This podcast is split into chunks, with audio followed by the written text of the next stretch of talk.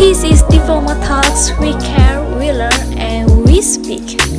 Bersama saya Iswa Zartumufidah dan rekan saya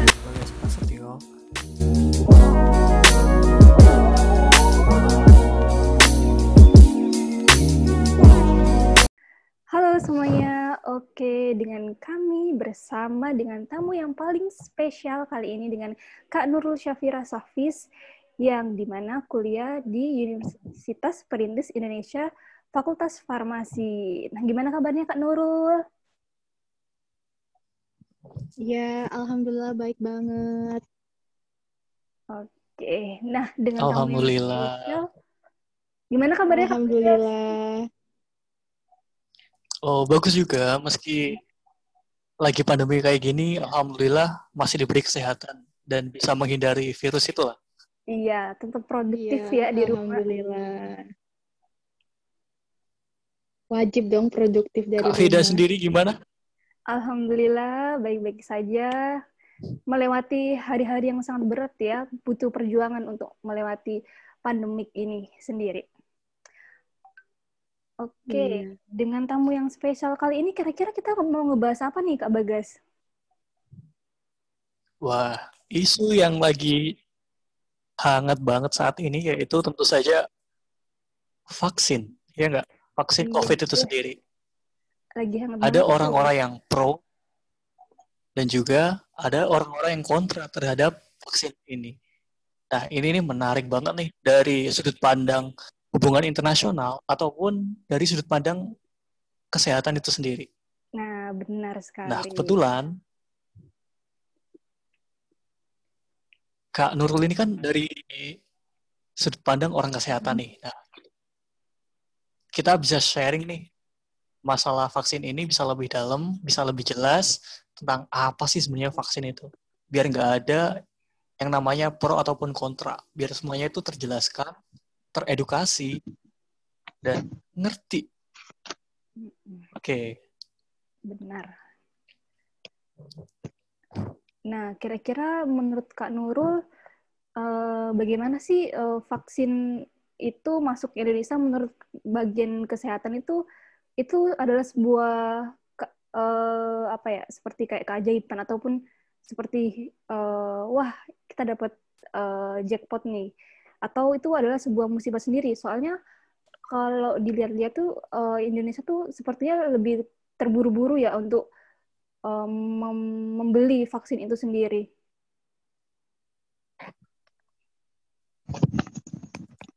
Sebenarnya kalau menurut menurut pribadi ya, kalau dilihat pemerintah sekarang kan lagi gencar banget untuk membeli vaksin dari luar. Sebenarnya hmm. kalau menurut Nurul pribadi juga vaksin ini juga baru dari BPOM, juga efektivitasnya terakhir Nurul lihat baru 65% kalau nggak salah dari uh, dari berita yang Nurul lihat. Jadi kalau dilihat dari vaksin-vaksin di luar, itu tuh efektivitasnya sudah 90%. Jadi kalau di Indonesia masih 65 persen. Jadi eh, tergantung orang yang ingin memakai vaksin itu dan yang tidak ingin memakai vaksin. Karena kalau saran Noro pribadi sebelum efektivitasnya benar-benar terjamin atau gimana nya bagus menurut Noro untuk jaga imun, herd immunity, 3M. Terus kalau ke tempat tempat ramai selalu menjaga protokol kesehatan. Itu aja sih kalau menurut Nurul. Okay. menarik banget tuh. Mm -mm. Uh, dari Kak Nurul sendiri, uh, boleh tahu nggak sih gimana sejarah dari vaksin itu sendiri? Sejarah vaksin secara umum deh. Kalau kita ngomongin vaksin COVID ini, kayaknya kita terlalu dini. Kita harus kenal dulu apa itu vaksin. Nah, gimana Kak Nurul? Jadi, uh, vaksin itu pertama kali itu pada tahun 1776 itu dimulai dari dokter Ejener namanya. Itu tuh dokter asal Inggris yang memperkenalkan konsep imunisasi modern karena pada saat itu suatu daerah lagi terserang smallpox, penyakit smallpox namanya. Nah, Dr. Ejener ini melakukan penelitian dengan me, dengan menggunakan sapi untuk mencocokkan penyakit tersebut, menginokulasikan. Nah, setelah itu barulah dapat vaksin tersebut. Ketika masyarakat menggunakan vaksin tersebut dan uh, imunitas mereka terbentuk dan itulah yang me yang menyebabkan masyarakat-masyarakatnya sembuh dan barulah pada tahun 1900 berkembanglah vaksin banyak vaksin contohnya vaksin hepatitis, vaksin polio, vaksin campak gitu, vaksin rubella, tetanus gitu. Itulah perkembangan secara singkat uh, vaksin itu tersendiri. Oh, wah, menarik banget tuh. Iya. Dia sendiri gimana? Jadi kan uh, ya.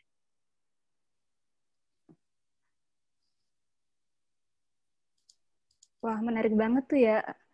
Nah, untuk sekarang nih, Indonesia tuh sebenarnya memesan di berbagai negara, termasuk Cina sendiri kan, uh, vaksin itu dipesan oleh Indonesia.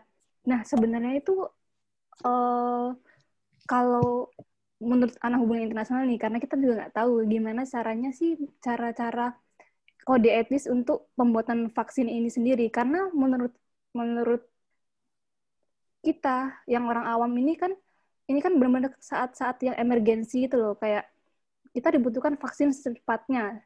Namun dalam pembuatan vaksin itu sendiri seharusnya memang ada kode etiknya gitu seperti uh, uji coba satu tahun ataupun uji coba di orang-orang yang berbeda kayak gitu. Itu gimana? Menurut saya soalnya ini apakah terlalu terburu-buru ataupun gimana sendiri gitu.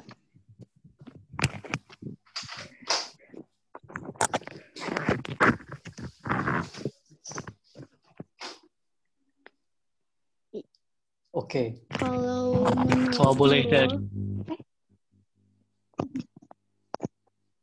Ya, dari Nurul dulu.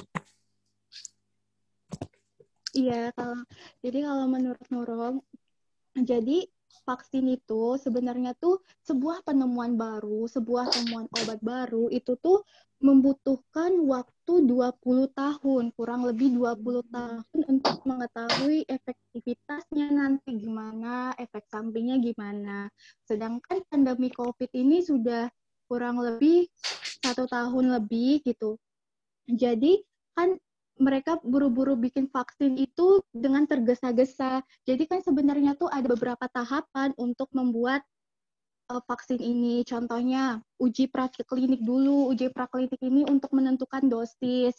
Terus nanti baru uji praklinik lanjut ke uji uh, klinis satu, di mana uji klinis satu ini dilakukan uji keamanan dan imunitas vaksin da, pada beberapa orang yang berisiko rendah untuk menguji keamanan terhadap vaksin. Jumlah responden ini 10 sampai 100 orang pembagian kelompoknya. Uji klinis fase 2 dimaksudkan untuk memantau keamanan vaksin atau dapat merangsang kekebalan tubuh tersebut untuk munculnya efek samping respon imun, menentukan dosis optimal dan jadwal pemberian vaksin. Jumlah responden ini dibagi menjadi beberapa kelompok yaitu 100 sampai 1000 orang.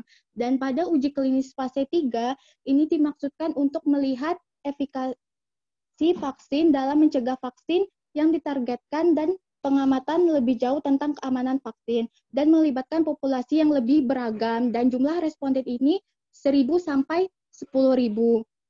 Nah, setelah uji fase klinis 3 selesai dan di Indonesia masih uji fase klinis 3, baru surat permohonan izin edar dari vaksin ini kepada BPOM eh, baru didaftarkan. Setelah didaftarkan sudah izin dari BPOM, maka vaksin tersebut bisa beredar. Dan sekarang itu terjadi adalah mempercepat dengan proses percepatan yaitu uji praklinik digabung dengan uji klinik satu, terus uji klinik digabung dengan uji klinik dua. Jadi dalam kurun waktu setahun kita bisa uh, mengedarkan vaksin tersebut gitu. Tapi yang setelah Nurul baca ada beberapa beberapa kali beberapa bagian untuk menyuntikkan vaksin tersebut ada beberapa responden dan jumlah kurun waktu yang telah ditentukan untuk penyuntikan pada fase klinik 3 ini gitu sebenarnya. Karena dipercepat aja sih vaksin ini dalam waktu setahun tentu melibatkan banyak-banyak ahli yang benar-benar di bidangnya. Makanya vaksin itu bisa cepat gitu dan bisa didistribusikan. Sebenarnya ke Bio Farma ini vaksin Sinovac ini ke Indonesia itu sebenarnya cuman berupa bahan baku dan di Indonesia lah baru dimulai uji klinis tiga itu sebenarnya. Menarik sekali ya. Tapi tuh kira-kira sebenarnya kalau uh, dalam masa emergensi kayak gitu penyebaran uh, vaksin sendiri kepada orang-orang itu sebenarnya aman nggak sih? Soalnya hampir banyak orang yang takut sekali untuk divaksin ini sendiri.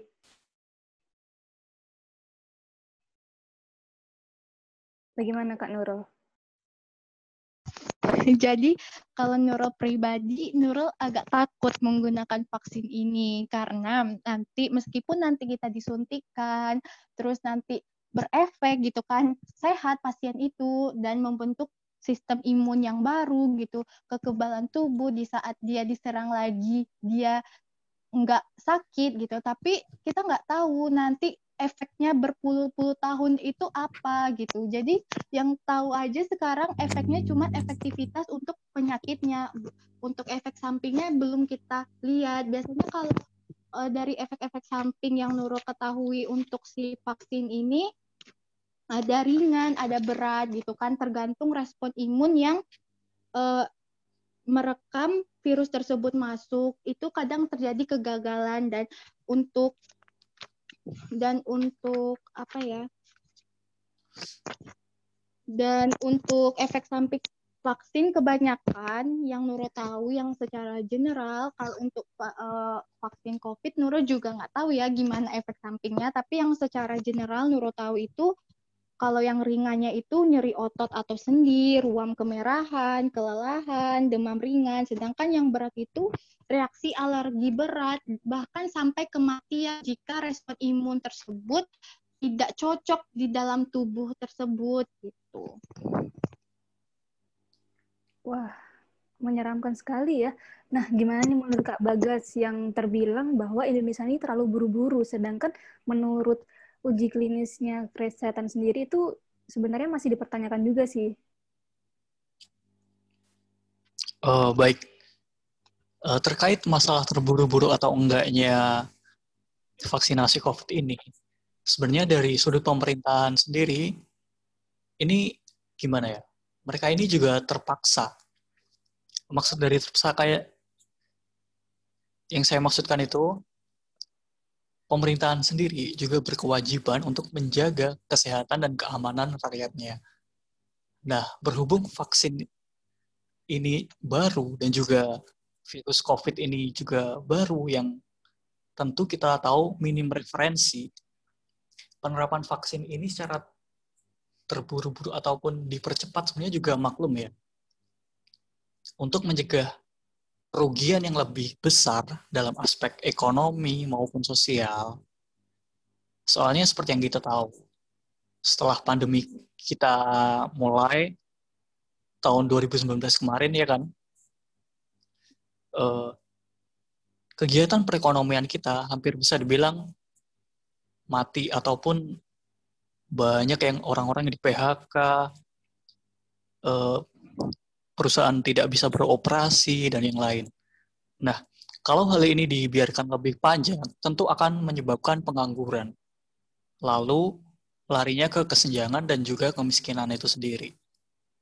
Nah, mungkin itu dari saya. Wah, emang kita tuh lagi serba salah ya. Mau vaksin, tapi takut juga. Sedangkan kalau tidak divaksin itu malah menyebabkan hal yang sangat menyeramkan di kehidupannya, baik itu ekonomi maupun kesenjangan sosial itu sendiri.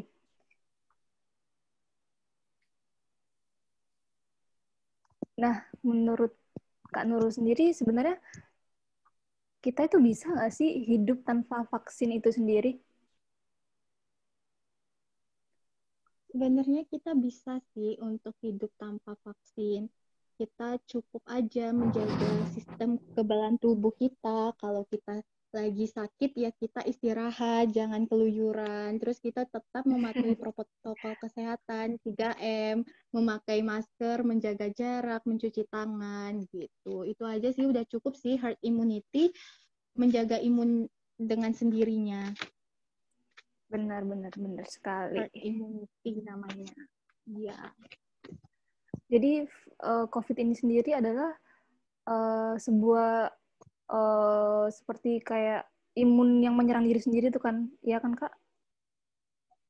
Iya, jadi dia tuh di saat kekebalan tubuh kita itu lagi rendah, jadi virus itu gampang masuk gitu. Apalagi ditambah kita tidak memakai masker, tidak menjaga jarak, tidak mencuci tangan dan otomatis itu gampang masuknya ke tubuh kita dan lemah imun kita dan terinfeksilah COVID gitu. Ah, menyeramkan sekali ya. Iya.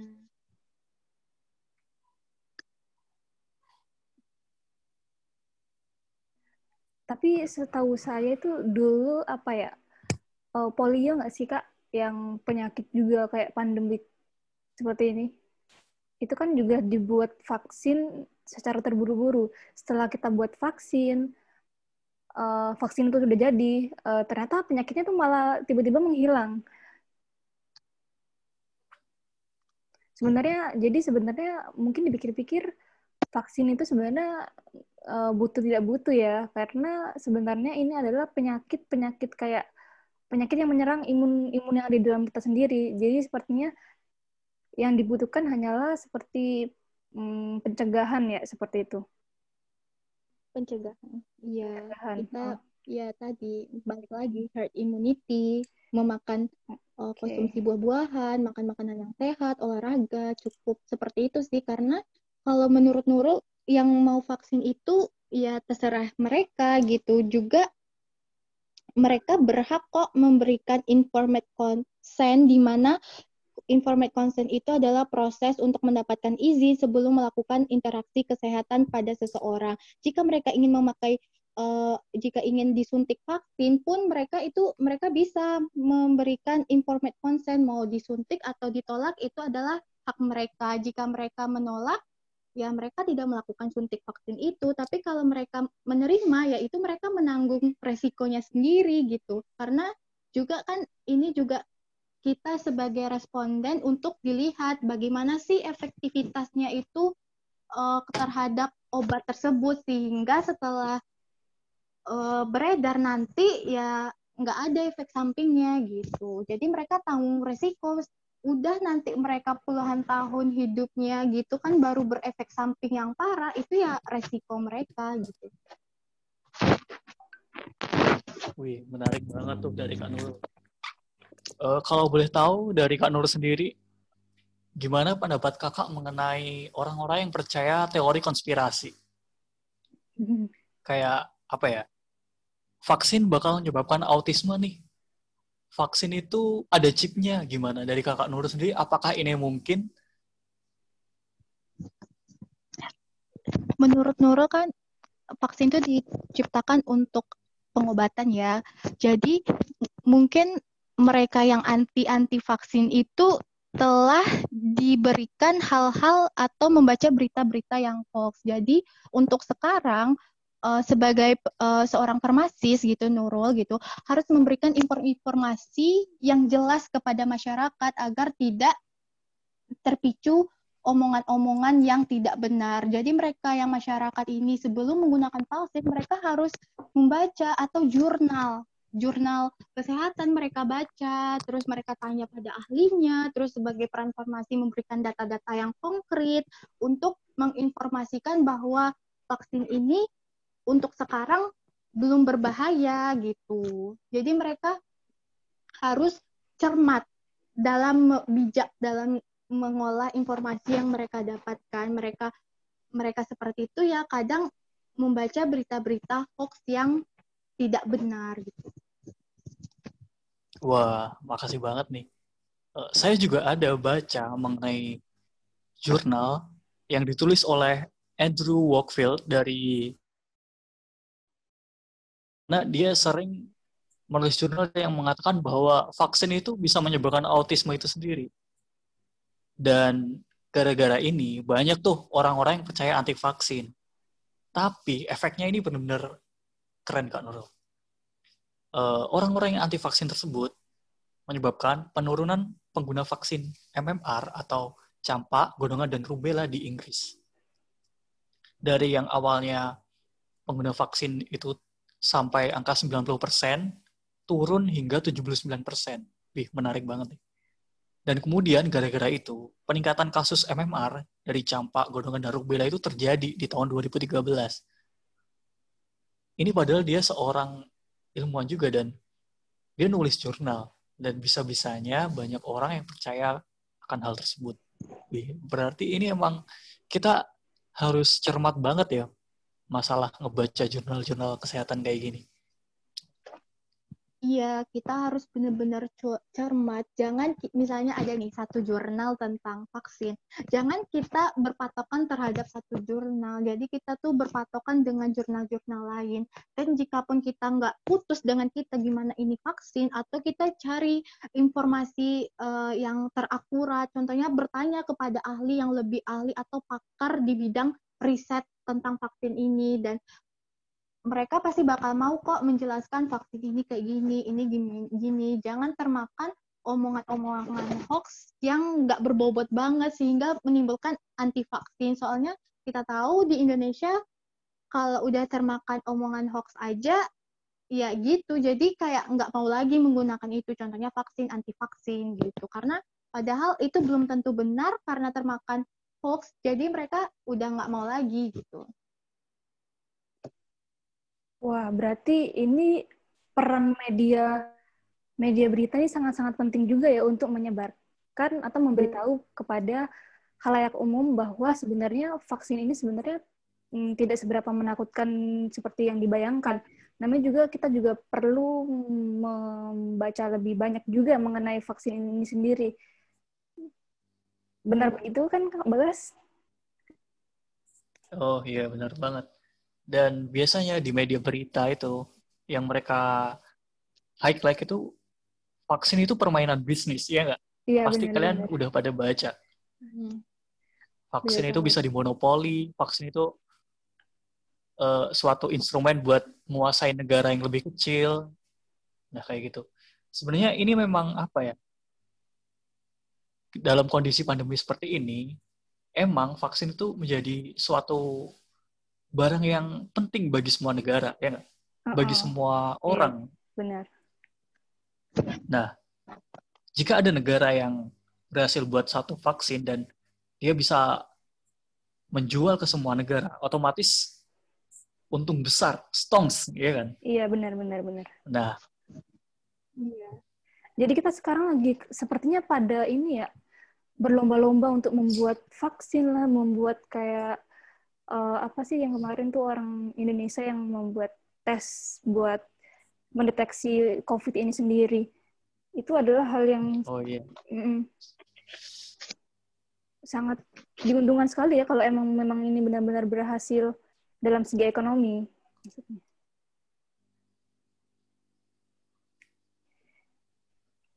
Nah, bagi negara yang menguasai teknologi dan pengetahuan, tentu bagi mereka ini adalah suatu kesempatan buat nyari keuntungan ataupun nyari nama atau kekuasaan di ke politik internasional itu sendiri. Soalnya kita tahu uh, di era globalisasi sekarang ini uh, transfer teknologi dan transfer knowledge itu mudah dilakukan bagi negara maju. Cuman apakah negara-negara berkembang atau negara-negara kecil menikmati efek dari globalisasi ini? Enggak kan? Begitu juga dengan vaksin ini. E, bisa dibilang hanya negara-negara yang punya perekonomian besar saja yang mereka mampu memesan vaksin terlebih dahulu. Seperti Indonesia contohnya, mereka Indonesia mampu memesan vaksin dari beberapa produsen kalau negara lain bagaimana? mereka nggak bisa. Soalnya perekonomian mereka juga nggak kuat juga. Nah, ini nih yang menarik sebenarnya dari vaksin itu sendiri. Iya, benar-benar. Sedangkan Indonesia sendiri udah pesan, setahu saya tuh udah pesan lima, lima model vaksin dari negara lain. Nah, tapi nyatanya tuh banyak sekali masyarakat yang tidak ingin divaksin. Nah, apakah itu sebuah nanti bakal akan rugi sendiri buat Indonesia? Karena banyak masyarakat yang tidak mau divaksin.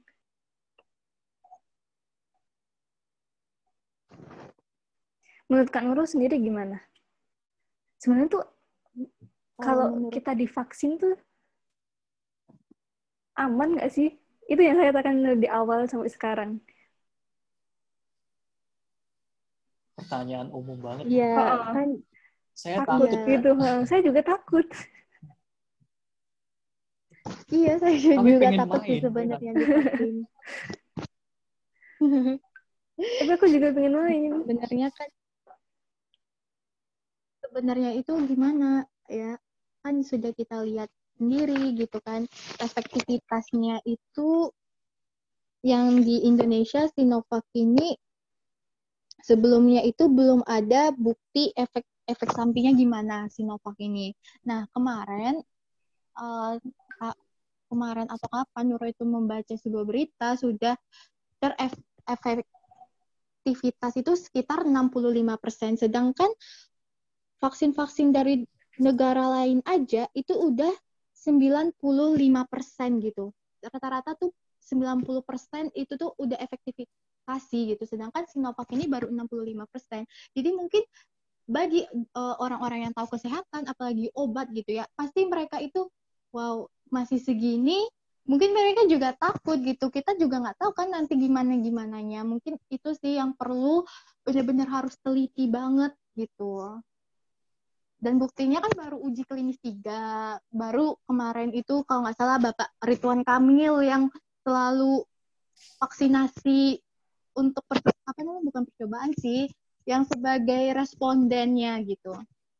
Responsif menguji vaksin dan sekarang alhamdulillah juga udah disetujui BPOM. Berarti kalau setelah disetujui BPOM berarti vaksin itu layak diedarkan gitu. Kecuali belum disetujui oleh BPOM ya nggak layak gitu. Karena obat itu harus ada beberapa pengujian dari yang kita buat. Lalu, dimasukkan ke BPOM setelah di BPOM itu di diuji dan hasilnya bagus dan otomatis layak sih dipasarkan karena udah ada label dari BPOM tapi itu tergantung ke pribadi masing-masing gimana cara menyikapinya gitu. Tergantung mereka mau disuntik atau enggak atau mereka ya herd immunity aja gitu. Karena untuk saat sekarang banyak loh kayaknya yang anti vaksin banget gitu. Jadi mereka tuh bener-bener para kesehatan atau pakar-pakar di bidang vaksin harus berusaha menjelaskan secara detail atau transparansi. Jadi kalau uh, kalian disuntik ini loh nanti kayak gini kayak gini gitu. Nanti terus nanti efek sampingnya kayak gini. Jadi ya transparansi gitu. Jadi harus juga dikasih penyuluhan-penyuluhan tentang vaksin ini. Apalagi tentang vaksin ini sangat booming gitu. Sangat booming banget karena udah nyampe di Indonesia. Sebenarnya hmm. Indonesia ini mampu membuat vaksin yaitu vaksin merah putih merah putih gitu kan. Vaksin merah putih ini riset antara beberapa kayak uh, apa ya kayak kemarin tuh merah putih itu kalau nggak salah riset dari uh, beberapa universitas terus riset litbak gitu terus apalagi gitu. Jadi merah putih ini nggak bisa diproduksi karena ya itu tadi terkendala dana dana tadi gitu. Jikapun Sinovac nggak berhasil nanti ya merah putih bakalan lanjut penelitiannya karena butuh dana yang cukup, butuh ahli yang benar-benar ahli banget gitu, SDM, terus butuh keuangan yang besar untuk membuat obat-obatan ini gitu. Wah, apalagi dana riset di Indonesia ini tergolong kecil ya kan Nurul? Eh, dari tahun iya, ke tahun, masih... dari masa presiden ke siapa itu mesti dana riset itu kayak di disepelekan gitu loh, nggak segede negara-negara maju yang mereka concern punya pengembangan di bidang teknologi itu sendiri. Jadi kalau kita misalkan Iya. nggak memperbesar dana, mana bisa kita menyusul negara-negara maju yang udah bisa bikin vaksin itu sendiri ya kan? Iya benar sekali. Iya benar banget makanya lah didatangkan Sinovac itu sebenarnya kita punya kok Hmm. merah putih namanya tapi tapi ya gimana lagi gitu dananya itu butuh banyak kolaborasi dengan negara-negara maju gitu otomatis karena butuh itu dana juga nggak minim ya tersingkirkan dulu gitu karena ya dana tadi dananya besar kalau untuk mencoba membuat suatu obat butuh apalagi kan Indonesia juga COVID ini juga udah lama di Indonesia jadi kayak perekonomian naik turun jadi ya susah gitu Oke, Iya. menarik banget. Benar, benar, benar. Nah, sebenarnya pembuatan vaksin sendiri itu eh, sistemnya gimana sih? Misalnya kayak persatuan apoteker itu sendiri, ataupun ini kolaborasi antara apoteker dengan eh, Ikatan Dokter Indonesia atau gimana itu? Jadi kan eh, untuk pembuatan obat tersebut kan farmasi ya yang ada untuk pembuatan obat tersebut mungkin untuk pembuatan obat itu kita collab dengan beberapa kesehatan kayak kedokteran gitu pakar-pakar yang efek sam kedokterannya tuh kayak untuk menentukan efek samping nanti kedok eh, spes- spesialis kayak darah. Kenapa? Karena kan nanti bakalan diuji pakai darah, pakai ini, pakai itu. Jadi ya kita kolaborasi dengan para peneliti dalam berbagai bidang gitu. Oke. Hmm. Ini benar-benar ngasih insight baru nih. Iya, Kita benar. yang biasanya anak HI cuman ngerti secara general aja, Mm-mm. dikasih penjelasan yang detail. Impresif, menarik. Apalagi? Nah, dalam sejarah ini biasanya pernah ada nggak sih Kak mm, kegagalan pembuatan vaksin itu sendiri? Nah, yang setahu Nurul, Nurul nggak mendapatkan di mana kegagalan vaksin itu ya, tapi biasanya vaksin yang gagal itu karena respon imunnya itu menolak. Jadi yang sel memorinya tadi itu setelah disuntikkan tidak merekam virus yang masuk gitu. Jadi ya mereka tidak bisa meningkatkan kekebalan tubuhnya karena respon imunnya menolak. Itu sih kegagalan tergantung antibodi yang ada di dalam tubuhnya gitu. Kita juga nggak eh, bisa menyalahkan vaksin itu gagal, tapi mungkin dari sistem imunnya yang nggak menolak vaksin tersebut karena kan ada beberapa orang yang alergi gitu. Kadang ada alergi Hmm. ini, ada alergi alergi Iya, iya. itu gitu. Jadi untuk sampai ini sampai saat ini Nur juga nggak menemukan gitu kegagalan. Oh iya, iya, iya. Soalnya biasanya emang imun orang-orang tuh beda-beda ya setiap orang. Jadi kalau seperti ini lebih rumit sekali ya. Misalnya kita sedang membuat vaksin, terus eh, uji cobanya kepada orang-orang yang emang harus per individu. Soalnya kan imun itu sendiri beda-beda setiap orang. Oleh Iya, karena itu vaksin butuh waktu lama itu ya. Iya, itu butuh lama dengan responden yang cukup banyak dibagi beberapa kelompok gitu. Itu yang membuat 20 tahun itu kurang lebih suatu obat gitu. Contohnya kayak Abotil. Tahu Abotil Iya, iya, iya. yang sudah ditarik dari pasaran. Yang sudah ditarik di pasaran padahal dia tuh bagus-bagus aja sih kalau kita gunain gitu. Tapi setelah beberapa tahun ditarik sama BPOM. Kenapa? Karena punya efek samping karsinogenik yang nanti membahayakan gitu. Itu sih sebenarnya yang harus kita hadapi kalau misalnya kita terima untuk vaksin. Kita nggak tahu juga gimana gimananya. Mungkin kita saat ini sehat, tapi efek sampingnya nanti di kemudian hari ya kita nggak tahu gimana. Karena kan itu tuh butuh lama ya menguji sebuah obat itu. Mungkin setelah disuntikan kepada orang lain mungkin dikontrol oleh orangnya gimana gitu.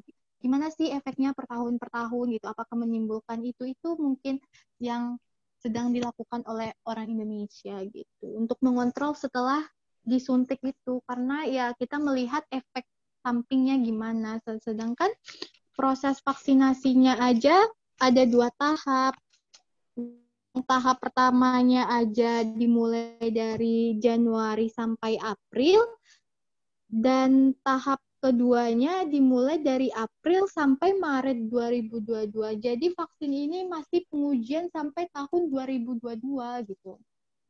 Nggak secepat itu bakalan disuntikkan kepada orang. Jadi mungkin disuntikkan kepada orang tuh cuman untuk uji efektivitasnya. Wah, masih lama berarti ya kayak. Iya, masih lama ya. Aduh. Butuh berapa ya. tahun lagi kita work from home kayak gini ya? Iya, saya sudah pengen main nih. Wah, insight oh. banget ya Kak Bagas nih bagi kita anak hubungan internasional. Nah, Lagi iya. buat teman-teman yang nggak tahu nih ya. Dari sudut pandang kesehatan emang kita minim banget dan insight dari Kak Nurul ini emang ngasih kita pencerahan banget sih. Jadi kita sebagai anak KI juga nggak bisa sembarangan kita dukung orang yang pro ataupun kita dukung orang yang kontra dengan vaksin itu sendiri karena mereka juga punya pendapat sendiri dan Benar. ya memang hak setiap orang untuk memahami atau memberi izin apa yang boleh dikasih ke tubuhnya itu sendiri. Iya, iya, benar, benar. Bahasa kerennya my body my choice ya kan yes iya benar banget itu adalah pilihan masing-masing ke orang karena kita nggak tahu ya gimana tanggapan orang-orang di luar sana gitu. Mungkin ada yang menerima, ada yang menolak. Mm, Mungkin ada juga yang anti banget nih tentang vaksin. Padahal kan vaksin itu nggak harus vaksin COVID gitu. Ada beberapa vaksin gitu kan. Dari kecil kita juga anak kecil juga divaksin gitu. Vaksin campak, vaksin polio, pakai sampai sekarang gitu. Jadi nggak perlulah kayak terlalu takut sebenarnya kita tahu kita takut tapi jangan terlalu takut juga. Jadi kita tuh karena takut itu kita berusaha mencari informasi-informasi yang benar gitu. Jangan kemakan hoak tadi. Itu sih kalau menurut Nurul jangan kemakan hoak. Tanya kepada orang yang benar-benar ahlinya. Terus juga baca uh, jurnal-jurnal riset uh, para pakar gitu. Sering baca berita yang ter apa akurat gitu menurut Nurul untuk saat sekarang ya. Jadi kita tuh juga nggak bisa nyalahin orang yang memilih vaksin nyalahin orang yang nggak memilih vaksin itu adalah pilihan mereka. Tapi dengan sebagai kita manusia ya kita sebagai se, juga tenaga kesehatan juga berikan edukasi sih kalau menurut Nurul untuk sekarang. Jangan sampai mereka karena takut vaksin ini contohnya jadi takut dengan vaksin-vaksin lain yang padahal aman aja gitu Benar sekali. Nah, dari kesimpulan pembicaraan kita pada podcast kali ini, di sini aku simpulkan bahwa kita semua itu berharap yang terbaik lah untuk kita semua. Dan kita harus saling mendukung satu sama lain, baik itu vaksin, baik itu pemerintah sendiri, untuk memperbaiki atau uh, menghilangkan pandemik dan COVID-19 ini sendiri. Jangan mudah kita terkena framing media mengenai vaksin ini karena sebenarnya vaksin ini juga ada baiknya juga untuk kita karena kita juga harus bangkit dari pandemi ini sendiri untuk melanjutkan hidup uh, kita seperti biasanya hidup normal seperti biasanya dan meningkatkan terutama bagi pemerintah ya untuk uh, meningkatkan ekonomi seperti layaknya hidup normal. Nah, Gimana menurut Kak Begas? Nah, iya, setuju banget. Uh, nah. Terkait kalian setuju atau enggak dengan vaksin itu sendiri, uh, mau nggak mau kita harus mengakui bahwa keadaan pandemi sekarang ini memang memaksa kita untuk menciptakan vaksin itu sendiri. Iya. Nah, uh, pilihan kita menggunakan vaksin atau enggak itu juga hak kita. Namun Mm. kewajiban kita udah jelas. Kita harus mencegah pandemi itu menyebar. Jadi tetap ikuti protokol kesehatan yang paling penting. Itu sih. Iya, benar-benar. Gimana Kak Nurul mau memberikan statement terakhir terakhir? kita berjaga dalam menggunakan informasi, jangan makan hoax dan itu kembali tadi kita harus benar-benar saat ini benar-benar menjaga protokol kesehatan, herd immunity sendiri, olahraga gitu. Juga ya apa namanya? Ya apa ya? Tadi aja lah jangan me, jangan menyepelekan COVID ini. Ya, benar benar benar. Jangan pernah menyepelekan COVID pokoknya. COVID itu ada pokoknya. Oke, Iya, tidak terasa. tergantung sih buktinya. mm, Ya, buktinya orang yang OTG tersebut nggak ada gejala gitu. Jadi kan beda setiap orang respon imunnya. Mm-mm. Antibodinya beda. Iya, benar. Gitu. Nah, tidak terasa nih kita udah ngobrol diskusi banyak ya tentang vaksin COVID ini. Semoga bermanfaat untuk kita semua, menambah pengetahuan kita mengenai vaksin COVID ini. Dan untuk kalian semua, tetap semangat menghadapi pandemi ini dan tetap menjaga imun dan menjalankan kegiatan seperti biasanya melalui online. Nah, see you in the next episode. Bye-bye. See you, see you. Terima kasih. Bye-bye. Terima kasih. Terima kasih.